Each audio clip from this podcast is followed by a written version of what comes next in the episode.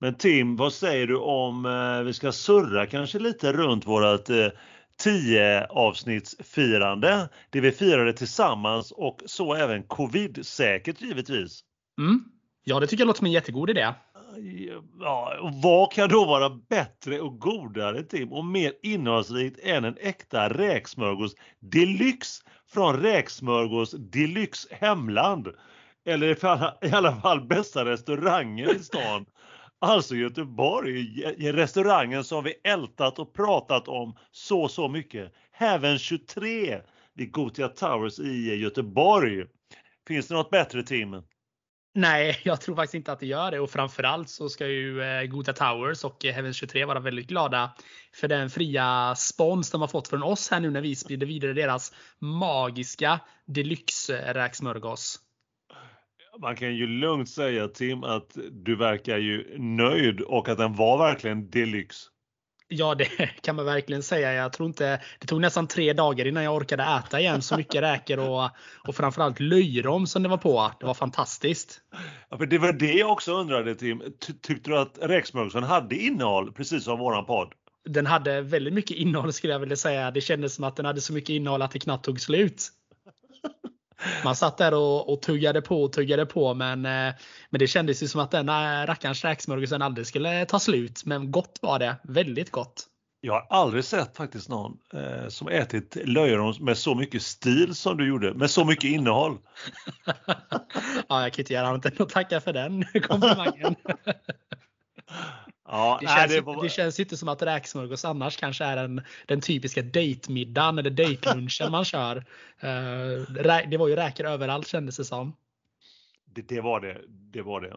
Det var det helt klart uh, Tim. Du har en poäng eller poäng som du uh, med, ditt, med din franska, dina franska rötter brukar säga. Vi, vi, ja, de, de, de, de rötterna ja. vi får väl ändå också säga Tim att det här var ju lunchtid och ja. Eh, så därför fick det bli vatten till och ingenting annat. Nej precis, precis. Vi fick eh, hålla oss eh, törra denna gången.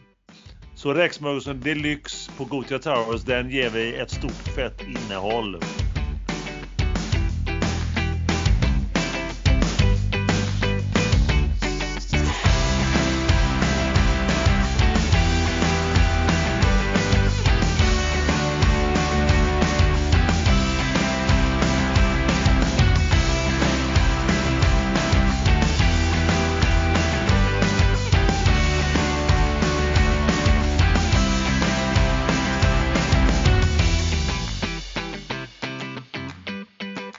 Emil, eftersom det inte blev någon skål senast så får vi väl ta och eh, skåla denna gången då som, eh, som sig bör här i podden. Ja, givetvis, givetvis.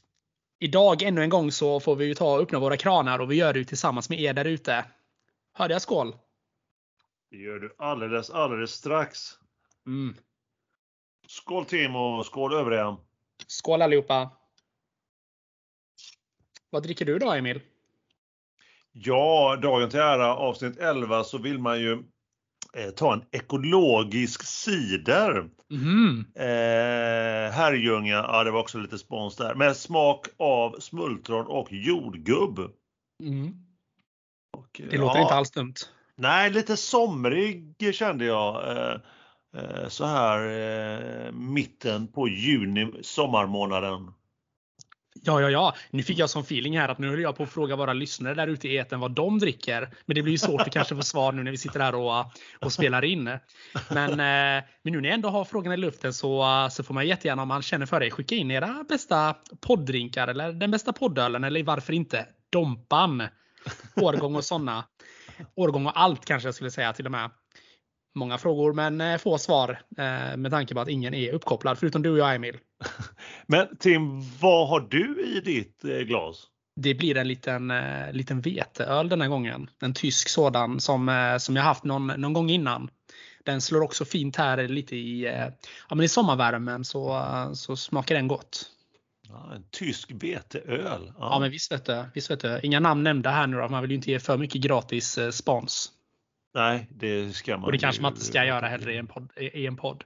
Nej, det ska vi inte. Vi har ju, vi har ju gjort och lämnat alldeles för mycket sån eh, spons hittills känner Precis. jag. Precis, vi håller igen lite. Men Vad säger du Emil? Ska vi ta en liten skål till på det kanske? Det gör vi. Skål, skål! Skål! Lämna mig aldrig törr! Nej, lämna mig aldrig törr. Mm, den satt. Gott! Men, ja, mycket gott. Men avsnitt, eller episod nummer 11 är alltså här. Om, det, om någon har missat det.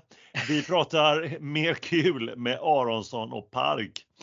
Podden då med både innehåll, den perfekta kombon, blandningen av hockey och tennis. Och vi två som två spontana och goa experter.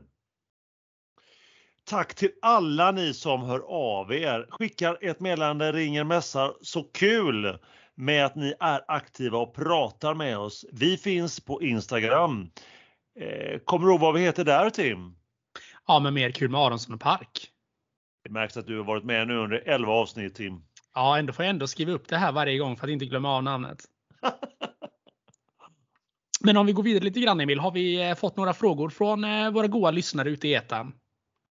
Ja Tim, det får vi ju. Det får vi alltid även om den här typen av fråga som nu, en av de frågorna som har kommit in, eh, flera stycken av, tar lite emot faktiskt. Mm. Det är att hur mår du egentligen Tim efter efter din eller då vår, om man ska vara ödmjuk, tippning av hockey-VM. Så Tim, eh, hur mår du? Hur mår magen, hjärtat och framförallt stoltheten efter den typ av tippning du gjorde eh, senast? Ja, jag fick ju redan förra avsnittet som vi spelade in pudla lite grann och eh, nästan be om ursäkt för den. Eh, ja, men eh, den urusla tippningen som jag ändå fick till. Men jag känner nog att det ja, självförtroendet har fått sig en knäck här men också att det, det räcker lite grann här nu kring hockey-VM. Nu, nu gör jag precis som svenska landslaget och biter i det sura äpplet och får gå vidare lite grann. Men på tal om tippning Emil, hur gick det för dig gällande Grand Slam och Roland Garros? Eh, kul, kul Tim. Ja, det gick väl bättre får jag väl ändå säga. Jag gick ju lite bredare där och tippade typ de de eh, sju eller sex, sju högst sidade spelarna att de skulle, någon av dem skulle vinna. Och så blev det ju.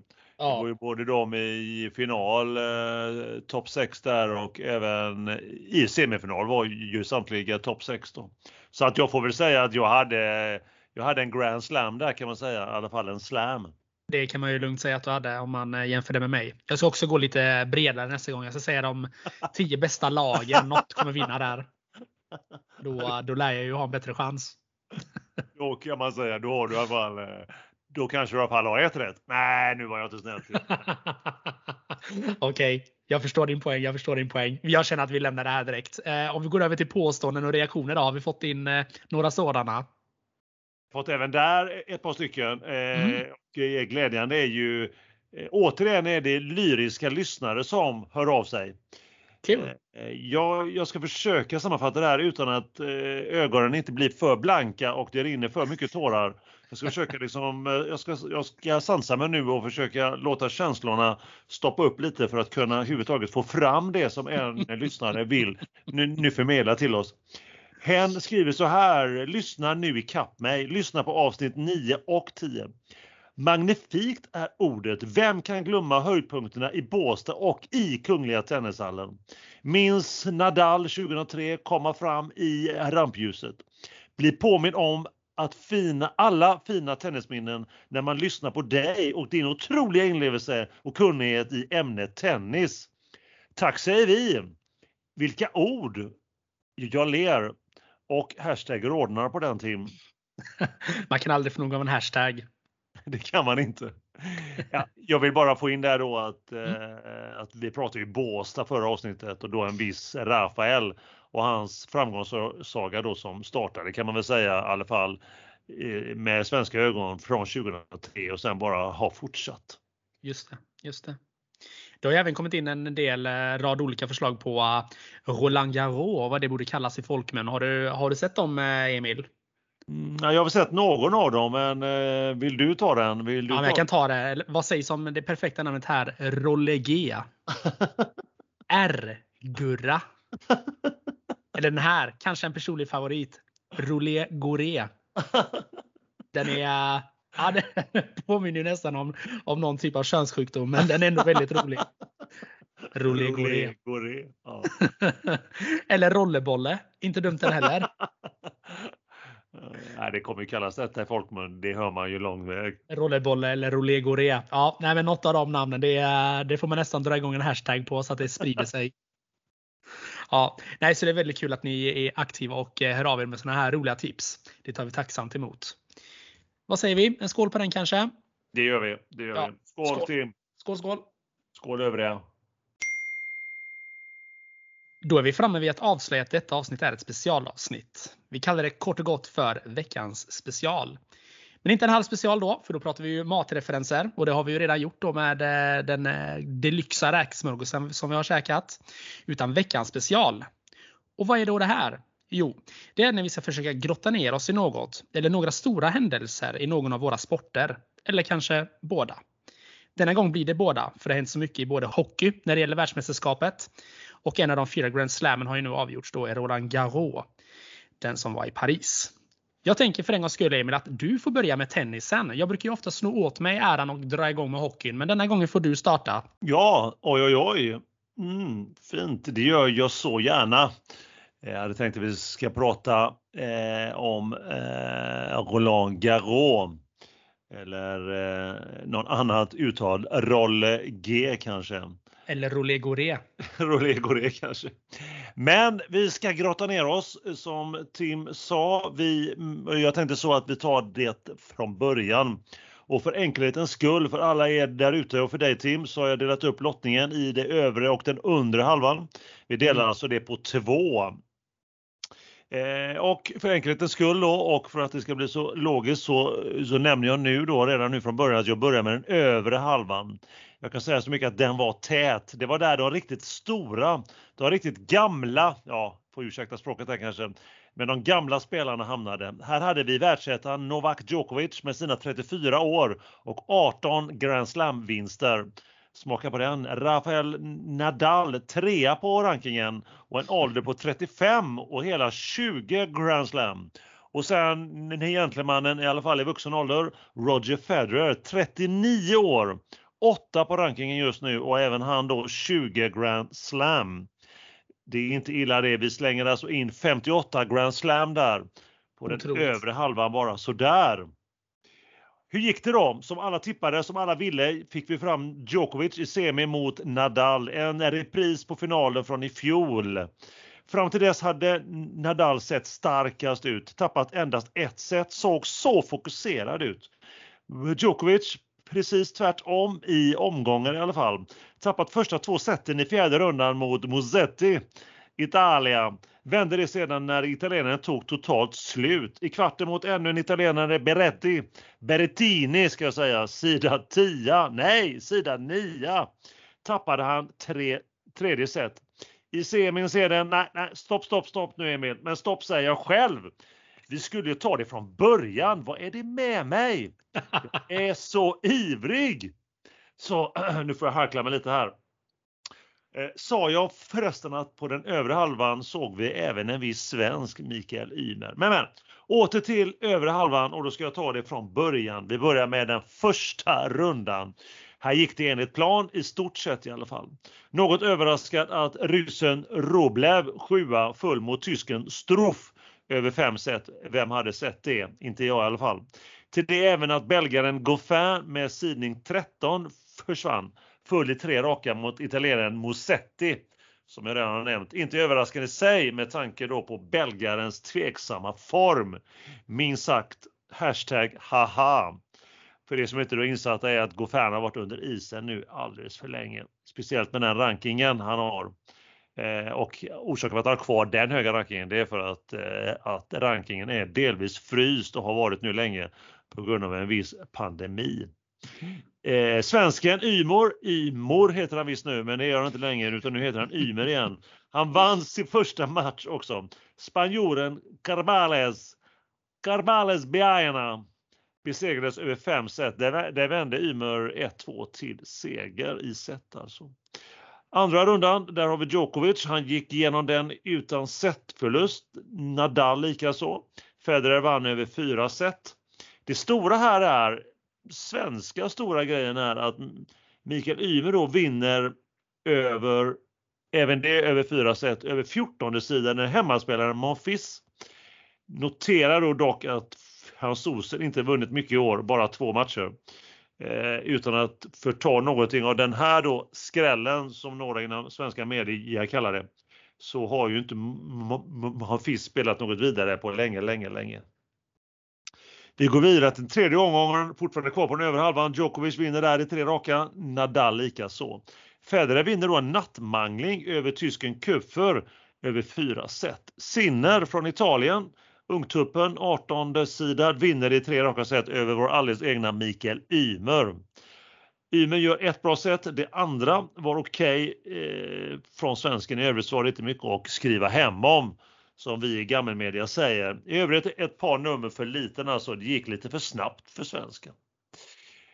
Då seglar vi in i kvarten och vem ska vi då inte nämna om Djokovic?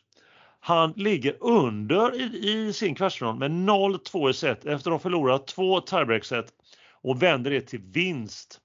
Efter de två första seten som han förlorar då med 6-7, 6-7 så, så tappar han bara ett enda game. Detta gör han mot, också mot tonåringen italienaren Musetti eh, som gav upp faktiskt i femte set vid ställningen 0-4. Man kan ju alltid ställa sig frågan som vi tennisälskare gör varför man egentligen ger upp när, man, när det är typ två game då kvar att spela. Man kan ju bara släppa sin serve där, fyra bollar och sen försöka ta emot fyra servar från motståndare för att det ska se lite mer eko ut kanske. Men men, man gör som man vill som vi brukar säga. Rafael, han mötte argentinaren Schwarzman, sida 10. Han vinner, men inte med 3-0 utan tappar andra set. Och det i sig är ju lite förvånansvärt faktiskt när det gäller eh, Rafael på Roland Garros. Han, eh, nu, han, vann, han vann då innan han tappade setet här i kvarten 36 raka set på just gruset på Roland Garros. Det gjorde han från 2019 till då häromdagen. Den enda som har varit starkare, det finns två spelare om man kan göra detta till en tävling och mäta detta, eh, hur många set man har vunnit på raken alltså. Det är Nadal själv som vann 38 vunna game mellan 2016 till 2018 och på samma då ställe Roland Garros. Men och vinnare av den här tävlingen av flest vunna set på rad i Grand Slam är ingen, virven, ingen mindre än en viss svensk. Och då pratar vi givetvis om Björn den store Borg. Från 1971 till 1900, nej, från 1979 till 1981 och även det då på Roland Garros. Eller var det Rolé Goré? Ja, hur, hur som helst så är Björn Borg med sina 41 raka game störst på detta. Hur stort är inte detta? Vi kör vidare Tim. Är du kvar? Ös på, ös på, ös ja, på. vi vill ju ha en utförlig eh, redogörelse för hur det gick på Roland Garros och vad får man då inte det? Jo, det får man på mer kul med Aronsson och Park var annars. Vi pratar om Federer som har vunnit en nattmangling då precis han kände sig redan på morgonen efter, eller var det presskonferensen, att han började han börjar prata lite tungor där att ja, jag vet, jag känner mig ganska klar nu på det röda gruset i Paris. Och så blev det dagen efter på morgonen. Han lämnade VO till sin kvart. Berrettini fick nu en gratisplats in i densamma. Han gav upp för att kroppen var klar, sa han. Alltså satsningen nu skulle vara mot nästa Grand Slam och som vi alla vet då, ni som har lyssnat på den här podden, så är det Wimbledon med start om ett par veckor istället. Sen kan man väl vända och vrida på detta. Det är väl egentligen bara Federer som kommer undan med ett sådant beteende. Tänk om det hade varit Djokovic. Tänk, tänk om. Mm.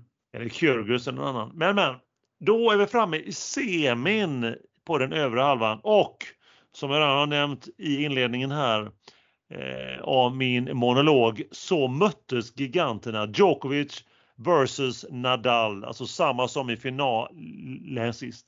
Wow, vilken match Tim! Vilka dueller, vilket spel! Helt klart visade herrarna vilka som har det bästa spelet totalt bland alla andra. Och hur gick matchen då? Jo, spanjoren inledde starkast. Serben kom senare in i, i, i matchen. Eh, det man kan eh, skriva att, och säga att Nadal hade 5-0 i första set innan så att säga Djokovic vaknade till liv Eh, och vann andra set då själv. Sen började spelet och i, i, i tredje set fick vi se någonting som jag, jag tror vi knappast vi tennisälskare någonsin har upplevt. Det var en kamp över en och en halv timmes spel. Och till slut efter att faktiskt eh, att Rafael hade haft en setboll så tar serben hem det sättet i tiebreak. Eh, 2-1 nu då till serben Djokovic. Fjärde inleds starkt av Rafael. Han bryter fram till 2-0. Men sen så vinner inte spanjoren ett enda game till och matchen eh, är förlorad. För att fortsätta älta lite om den här matchen som var helt storslagen, hashtag gåshud. Djokovic spelade så aggressivt. Han var så nära bollen på uppstuds i stort sett hela tiden. Även Rafael spelade mycket, mycket bra. Han var aggressiv, stod långt in i banan, i alla fall inledningsvis. Spelmässigt var det helt magiskt. Det var ungefär som att se en fantastisk match eh, i pingisen. Bordtennis när den är som bäst. Bara spelet bara var som helt pang, pang. De vinklarna, vilka slag, vilka dueller. Ja, det var så vackert. Ja, Hel, båda spelarna mötte bollen helt osannolikt tidigt. Den snabbheten och tredje set, Tim och övriga, det var ren poesi. Poesi för själen. Många har faktiskt ställt frågan om det var den bästa matchen någonsin och därav tvistar de lärda och kommer väl göra många, många gånger. Jag påstår ju fortfarande att, att visst var tredje set magi och så, men Björn Borg mot John McEnroe i Wimbledon-finalen 1980. Det är inte mycket som slår den. Även om man knappt har minne av den så, så har man ändå starka minnen av att det var helt magisk tennis. Så det så, så det vet du det. Och eh, ni övriga, Rafael då, den spanska gruskungen får vänta på sin, sin 14 Grand Slam eh, på det röda gruset i Paris.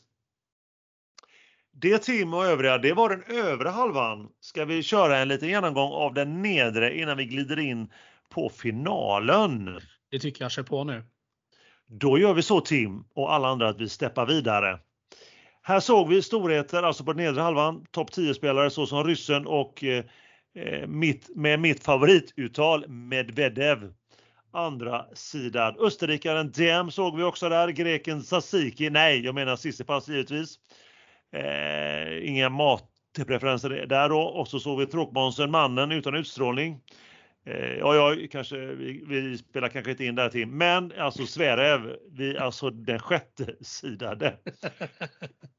Och hur gick det då undrar alla? Ut omgående, lite överraskande då, Dominic Thiem mot eh, spanjoren Andechar. Där ledde TM med 2-0 i set men tappade det och det blev ett avgörande set och där var då spanjoren starkare.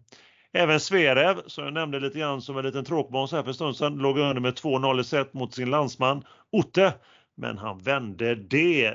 I övrigt så var väl första omgången i den nedre halvan som sig bör. Andra rundan, då fick vi se elftesidare ba Bautista Agut från Vivlalla Spania åka ut mot finnen Laxonen. Inte så mycket mer till skrälla där. Tredje omgången trippar vi snabbt in i. Formtoppade Kasper Ruud från grannlandet Norge. Han åkte ut här, plus mot Davidovic Fokina. Och för er som inte vet det så har ju Davidovic Fokina spansk, ryskt och även svensk påbrå. Där förlorade då Ruud mot eh, över 5 set. Eh, fjärde rundan eh, tippade resultat där, inte mycket att skriva hem om och då går vi snabbt in i, i kvartarna. Då fick vi se Sverige mot ovan nämnda Davidovic Fokina. Tre raka lätta set för tysken där.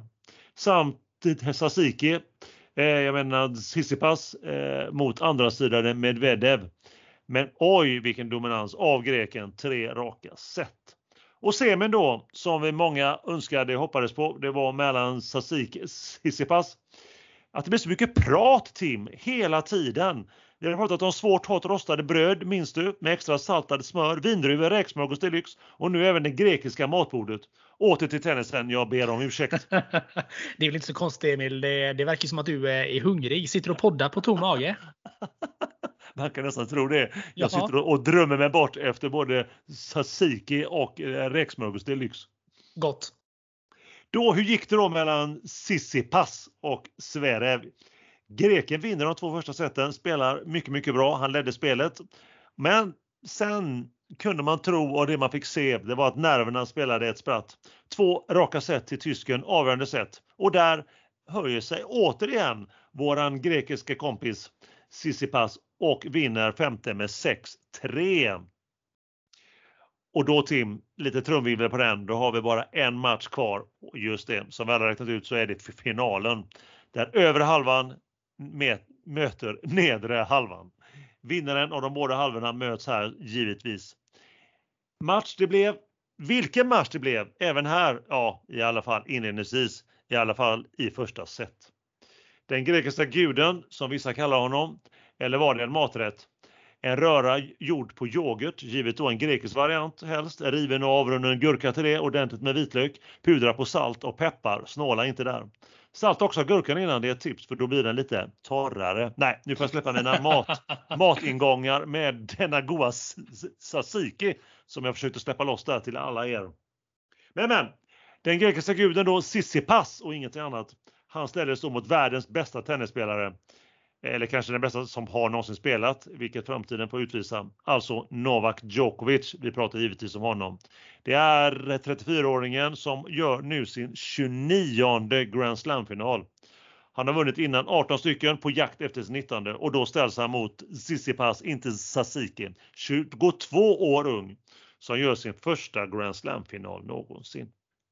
Då tänkte jag för att ge lite inlevelse, ge lite känsla till matchen så tänkte jag köra en lit, litet, litet referat. Hur jag såg på matchen, så här gick det. Ett intensivt första set, två räddade breakbollar omgående för greken i första servegamet. Relativt lätta game sedan med bra spel fram till 4-5 serve här för, för serben. Det, det är breakball, alltså setboll för Tsitsipas vid 30-40.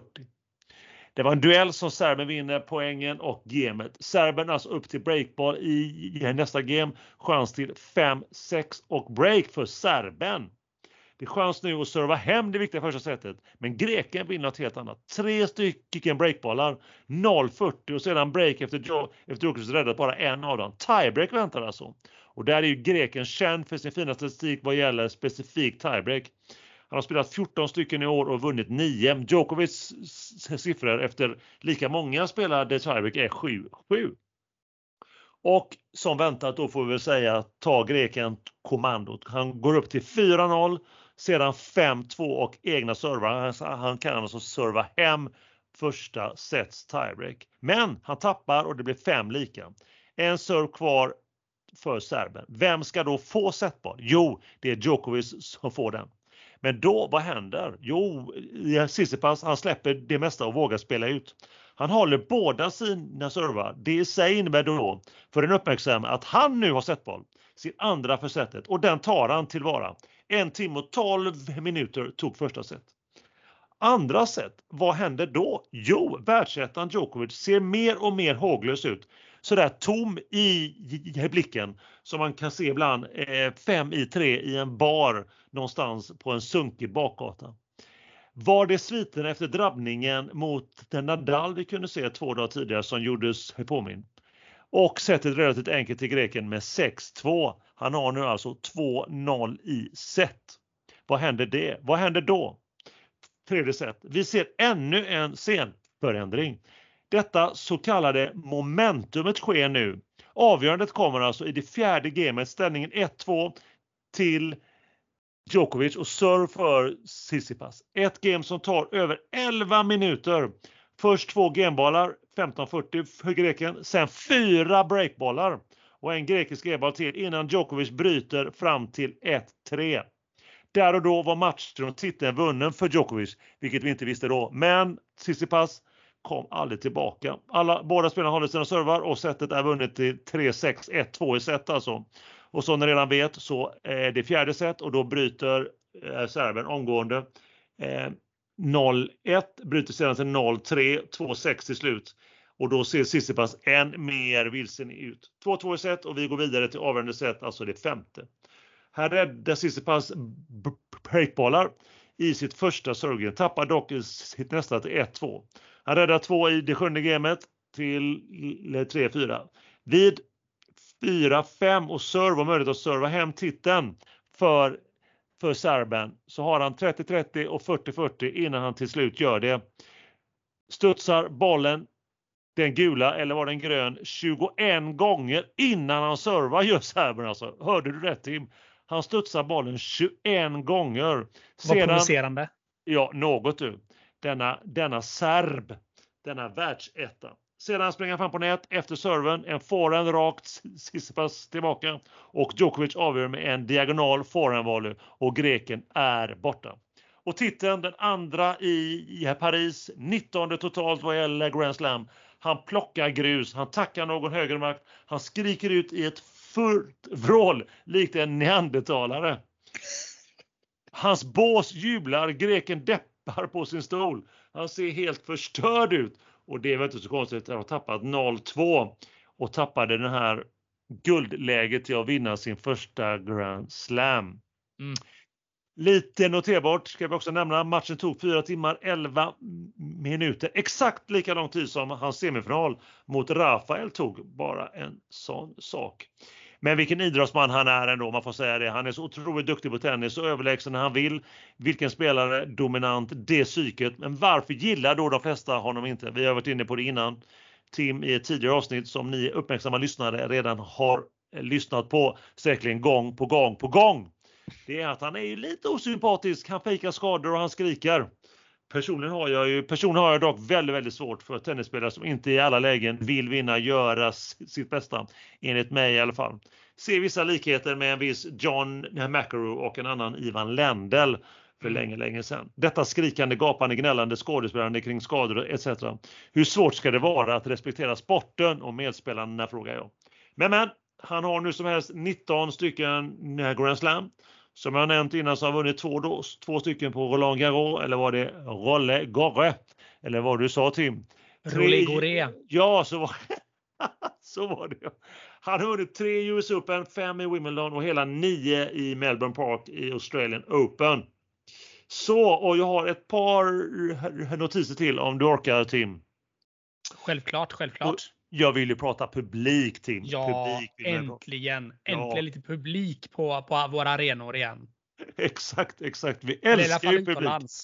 Exakt ja, och snart även i Sverige. Yes. Det släpptes in 5400 åskådare på hela området till att börja med. De höjde den från onsdag i vecka nummer två, lagom till kvartsfinalerna skulle färdigspelas. Då höjde de den till 13 000 och kvällsmatcherna kunde ses med publik eh, från klockan 21.00 till klockan 11 så höjde de den siffran. Just det. Och för första gången på 20 år faktiskt så var det tre tonåringar framme i tredje omgången på gruset i Paris. Denna gången var det 19-åriga som var nämnt några gånger, Lorenzo Musetto, Italiano boy och 19-åriga Jannik Sinner, även han från Italien och Carlos Alcaraz från Hispania. Han var då 18, de övriga två 19. Vad månne blir av dessa tre ungtuppar? Mycket intressant att följa framgent. Eh, minns kanske någon där ute, hur såg det då ut? Vilka var de tre tonåringarna för 20 år sedan? Jo, det ska jag svara på. 2001 alltså. Då hette de tre tonåringarna Andy Roddick som då var 18 år och blivande världsetta som han blev två år senare. Vi hade en spanjor som var 19 år som hette Tomo Robredo som fick sin bästa plats som nummer 5 eh, i augusti 2006. Och eh, han spelar fortfarande dubbel faktiskt. Eh, han ligger på en ranking där över dryga 200. Och så som den tredje tonåringen 2001 som var framme i den tredje omgången gjorde då en viss Roger Federer. Då 19, minut knappa 39 och just nu rankad på plats nummer 8. Han har ju som vi har nämnt innan 20 Grand Slam eh, Eh, och eh, totalt då varit världsetta i 310 veckor sammanlagt. Kommentarer i, i övrigt är väl överflödiga. Och nu börjar ju snart den finaste av dem alla, Grand Slammen gör just det. London, Wimbledon och bara där säger jag gås, hashtag gåshud. Så det var den korta eh, monologen om just Roland Garros och årets andra Grand Slam. Fick du en liten uppfattning Tim av hur det gick? Jag fick en helhetsuppfattning över hur det har gått. Det känns som att eh, Grand Slammen här, Roland Garros, känns som att det har varit en hög standard eh, på, på de, eh, de som har varit med och tävlat här.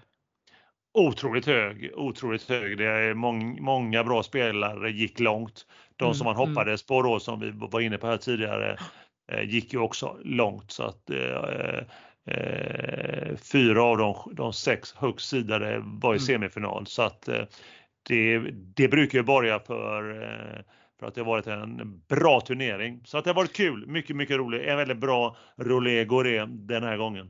Ja, vad härligt. Skönt också att det är på, på rätt, eh, tids, i rätt tidsrytm också, tänker jag Emil. Då har du väl kunnat se ganska mycket? Ja, det är det ju. Det är ju klart att det är ju, ju positivt att man eh, kan följa det på eftermiddagar, kvällar och sådär. Så att, eh, det är det, det är det. Men, men Tim, jag tycker att eh, vi lämnar tennisen för att gå in på ett annat hett ämne här i podden med innehåll, alltså hockey.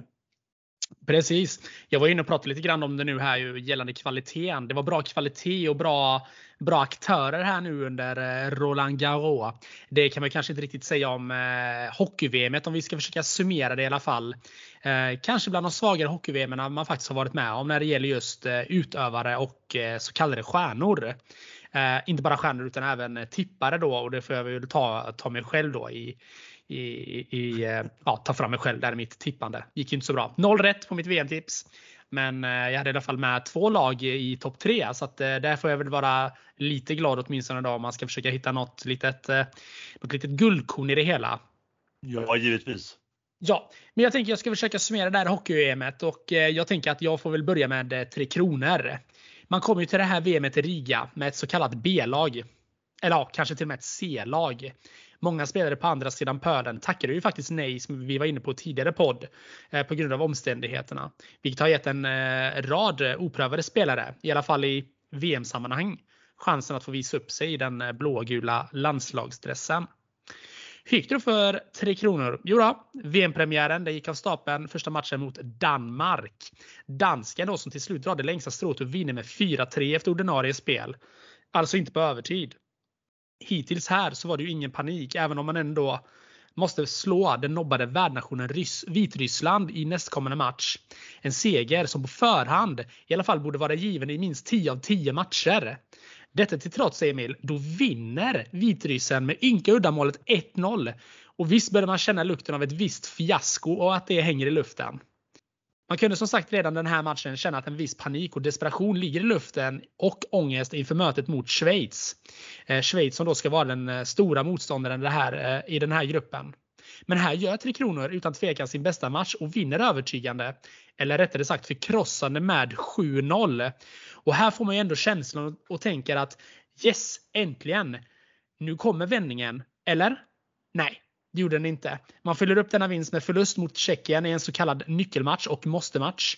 Och därefter vinner man då mot eh, Storbritannien som man knappt visste spelade hockey förrän detta VMet.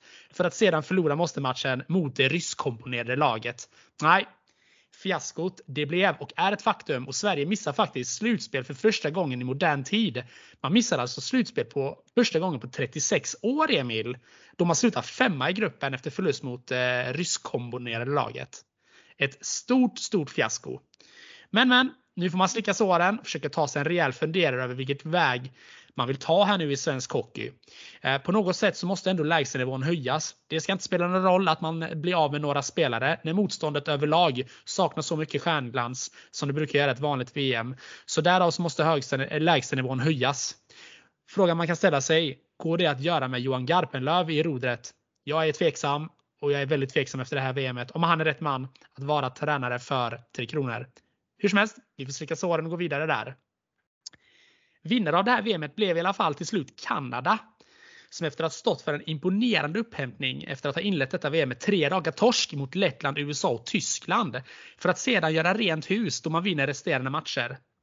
USA som ja, jag tippade etta hade en mycket bra VM och eh, såg faktiskt ut som att eh, tämligen enkelt kunna ta sig till final. Men det blev trots allt förlust i semifinalen mot Kanada som man tidigare i gruppspelet hade vunnit mot en 5-1. Kanada Ja, de vann också finalen med 3-2 i sudden death mot eh, Finland. Så man slår alltså föregående regerande mästarna Finland. Det spelades inget VM förra året på grund av eh, rådande omständigheter. Men året innan, 2019, då var det Finland som eh, vann i stor stil. Det som kanske är mest uppmärk eh, uppmärksammat i alla fall under den här VM-finalen, det är att man avgör finalen i sudden death med 3 mot 3 på isen. Ett, eh, ett spelsätt som man brukar använda sig utav i, ja, i grundspelsmatcher i, eh, i internationella sammanhang. Men man väljer alltså att ta med det in i VM och i en VM-final. Uh, väldigt, väldigt märkligt upplägg. I min värld så spelar man ju sudden 5 mot 5 i alla fall tills någon vinner. Eh, men denna gången så gjorde man inte det och eh, vi gratulerar ju givetvis Kanada till överraskande VM-guldet och deras 27 för att vara exakt. Och det är ju imponerande, flest av alla. Det gick inte så bra med mina most valuable player heller. Jag hade ju valt eh, Connor Garland där Emil, om du kommer ihåg det. Amerikanan, jänkan. Vem kan glömma honom? Ja, han får trösta sig med att i alla fall ta sig en plats på All-Star-teamet. Och kollar man igenom All-Star-teamet i VM 2021 så kan man bara konstatera att det är inte många spelare man känner igen där. Så att det är, eh, ja, det är stjärnfattigt eh, det här VMet, det kan man ju absolut konstatera. Eh, den mest värdefulla spelaren blev hur som helst Andrew Mangiapane från Kanada. Och givetvis så är det ju en spelare från VM-finalisten som blir MVP det brukar ju sällan vara någon eh, spelare från något lag som inte vinner guld som blir det. Så att, ja, lite genomskinligt kanske. Men eh, det var det jag hade om eh, hockeyn Emil. Lite snabbt summerat så. Hade inte alls lika mycket, det var inte alls lika storstilat som tennisen denna gången. Så jag håller mig lite kortare till, den, till detta. Det tyckte jag visst det var. Det var ju, ju häftigt att höra om Eh, både, både Sverige då kanske inte så häftigt, men det var ju ändå intressant att höra vilket uselt VM de gjorde. Och mm. Kanadas, eh, vilken upphämtning från eh, den lite mer skrala starten kan man ju säga. Det kan man ju lugnt säga. Det var ju eh, även på dem redan fiaskostämpel efter första matchen när man hade förlorat mot Lettland, värdnationen då. Eh, det är klart att man kan eh, tycka att det är uppseende, uppseendeväckande på många sätt och vis. Men, eh, men att man skulle ta sig så långt efter att ha förlorat även mot USA och Tyskland där i, i början. Det, det, är ju inte annat än en stor bedrift får man ju ändå säga och visar väl också vilken vinnarmentalitet som kanadickerna sitter inne på. Det sitter i väggarna som man brukar säga i, i sportsammanhang. Ja, det får man ge dem. Det får man, man helt klart ge dem. Jag får också jag får, också, jag får också höja dig Tim att du inte nämnde en enda maträtt eller en antydan till mat under, eh, under, dina, under eh, din monolog om hockey-VM. Jag försökte, försökte att hålla mig, på, hålla mig till ämnet Emil. Och, eh, och det, blir, det blir lite grann så när man tänker på, alltså lika förvånande det är som att prata om att Storbritannien spelar ishockey. lika fundersam blir man ju, vad äter man för mat i Storbritannien? Ja, det är någon blek paj vet jag nu vad det är för något. Någon blek paj, någon vit korv och några bönor. Nej, det är, det är inte aptitligt. Eller eh, jordgubbar, grädde, champagne i Wimbledon kanske. Såklart, såklart. Jag ska inte förta, jag ska inte förta detta. men men, eh, underbart att höra dig Tim. Underbart att höra om hockey-VM. Och det man vet med hockey-VM är att det återkommer om ett år igen. Ja, glädjande nog och förhoppningsvis med lite fler, eh, ja, med lite bättre kvalitet på spelet överlag. Det får vi hoppas. Det, får det jag har inte tagit med här nu i hockeyn, det är ju faktiskt att man eh, för första gången någonsin inte kan eh, trilla ur AVM. Jag glömde faktiskt nämna det. Och det innebär ju att även om man kommer sist i hockey-VM det här året så kan man inte åka ut. Utan man väljer att, ja, på grund av rådande omständigheter, mm, om man hade fått en 10 varje gång man sa det, så har man eh, då valt att eh, låta lagen att fortsätta, få fortsätta då även inför 2022 och det VMet och inte ändra ordningen där då i, i rangen. Det var ju tur för Sverige att det var så den här gången. Nej, det var elakt kanske. Nästan så. Nästan BVM på dem.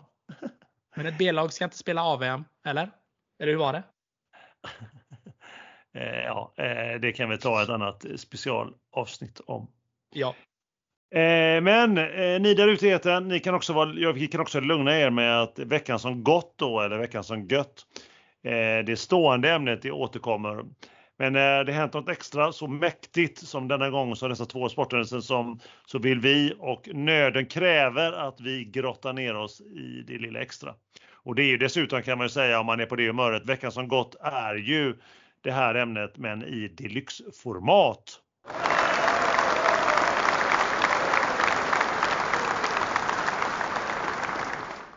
Tim, vilka experter vi är! Mm, det tycker jag verkligen. Tog du en skål på det eller? Jag tog faktiskt, tänkte faktiskt precis ta en liten klunk här, men vi kör en liten skål. Det blir trevligare.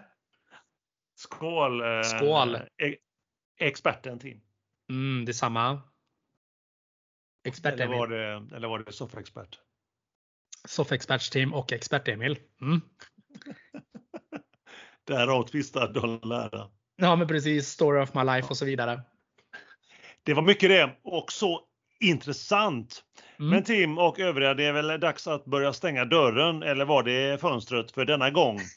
Ännu ett fantastiskt och innehållsrikt program. Om igen, igen, igen, igen. ja, och ni vet väl att vi också finns då på Instagram under namnet Mer kul med Aronsson och Park. Och fortsätt gärna som ni har gjort redan här att skicka meddelande till oss. Vi tycker det är jätteroligt och vi kommunicerar ju bäst och mest effektivt eh, på just Instagram. Och vi vill ju ha feedback, både negativ och positiv. Och som vi alltid säger Emil, den negativa, den får ni jättegärna skicka. För positivt, det blir vi överöst av. Så skicka den negativa så att vi får något att bita i. Ni får gärna prenumerera på oss och gilla oss på just Insta. Då eh, gillar våra spons det. De gillar också er. De älskar er till och med. Och eh, då gillar vi också er ännu mer. Så är det, så är det. Och nu vill jag ta vidare faktiskt. Jag vill eh, prata känslor i den här Ja. podden med innehåll. Vi vill ju ha en relation med er som lyssnar. Vi vill att ni agerar, att ni reagerar på det vi säger. På det vi tycker. Vi vill att ni tycker till om det. Vi vill att ni kommer med förslag på saker som vi ska prata om. Det är inte ofta Tim, jag är så känslofylld som just nu. Nej men verkligen. Kärlek med innehåll. Hur som helst. Nästa avsnitt, det är lite längre bort, eller hur Emil? Det är ju det. Mm. Vi har tänkt att det är dags att försöka avrunda den här första säsongen av Mer kul med Aronsson och Park. Och vilken start vi har haft, vilken vår! Vi började ju i januari och nu är det ju ändå trots allt i mitten på juni. Podden tar ett litet sommarlov och är tillbaka torsdag den 19 augusti. Och då är vi utvilade, brunbrända och fina med mycket, mycket, mycket mer matnyttigt från både hockeyn och tennisens värld. Då har vi också hunnit beta av Wimbledon, eller hur, hur Emil? Det kommer vi göra. Det gör vi. Jajamensan. Jajamensan. Hockeyn tar ett litet uppehåll här nu och eh, därav så eh, är det ju faktiskt tennisen som kommer vara lite i fokus nu. Vi kommer givetvis att försöka uppdatera oss på Insta över sommaren då det dyker upp något kul med eh, ja, något mer kul av eller om det nu var med Aronsson och Park. Ni kan också höra av er om ni undrar något eller om ni bara vill lyfta ett ämne eller två. Vad säger vi Emil? Ja, eh, många, jag vill flika in där och säga att många storheter inom poddvärlden, alltså kollegor till oss, med eller utan innehåll, de tar faktiskt sommarlov. De tar så. ledigt den, den här veckan. Det är ungefär som det är avslutning i skolan. Ja, ja, ja. Eh, två månader Tim, det tycker jag att vi är värda. Eh, Det tycker jag med. Som du sa själv, vilken vår vi haft, vilken succé, vilket genomslag. Jag är nöjd Tim, är du? Jag är jättenöjd. Det har varit en jätterolig start på denna, denna podden och eh, det är bara att konstatera att denna första säsongen nu är till ända. Den är ju det. Och jag vill säga också att äntligen har det kommit en podd på poddhimlen med innehåll. Vi Ja. har gjort skillnad Tim. Skillnad för dig och skillnad för oss. Mycket, mycket. Skål på det kanske? Ja, men det tycker jag absolut. En eh, sista sommarskål här nu. Mm. Mm, fint. Mycket, Så- mycket fint. Mm. Och vi får väl skicka med en eh, liten till hälsning till våra lyssnare och det är att eh, har ni inte hunnit lyssna på våra föregående avsnitt då får ni passa på och göra det nu här i sommaren när det ligger på playan. Det var ett av de finaste tips jag tror jag någonsin hört från dig Tim. Faktiskt. Mm. Eller hur, eller hur? Så allihopa där ute, ta hand om dig, ta hand om kärleken. Ha det gott nu allihopa! Ha det gott allihopa och trevlig sommar. Hej hej!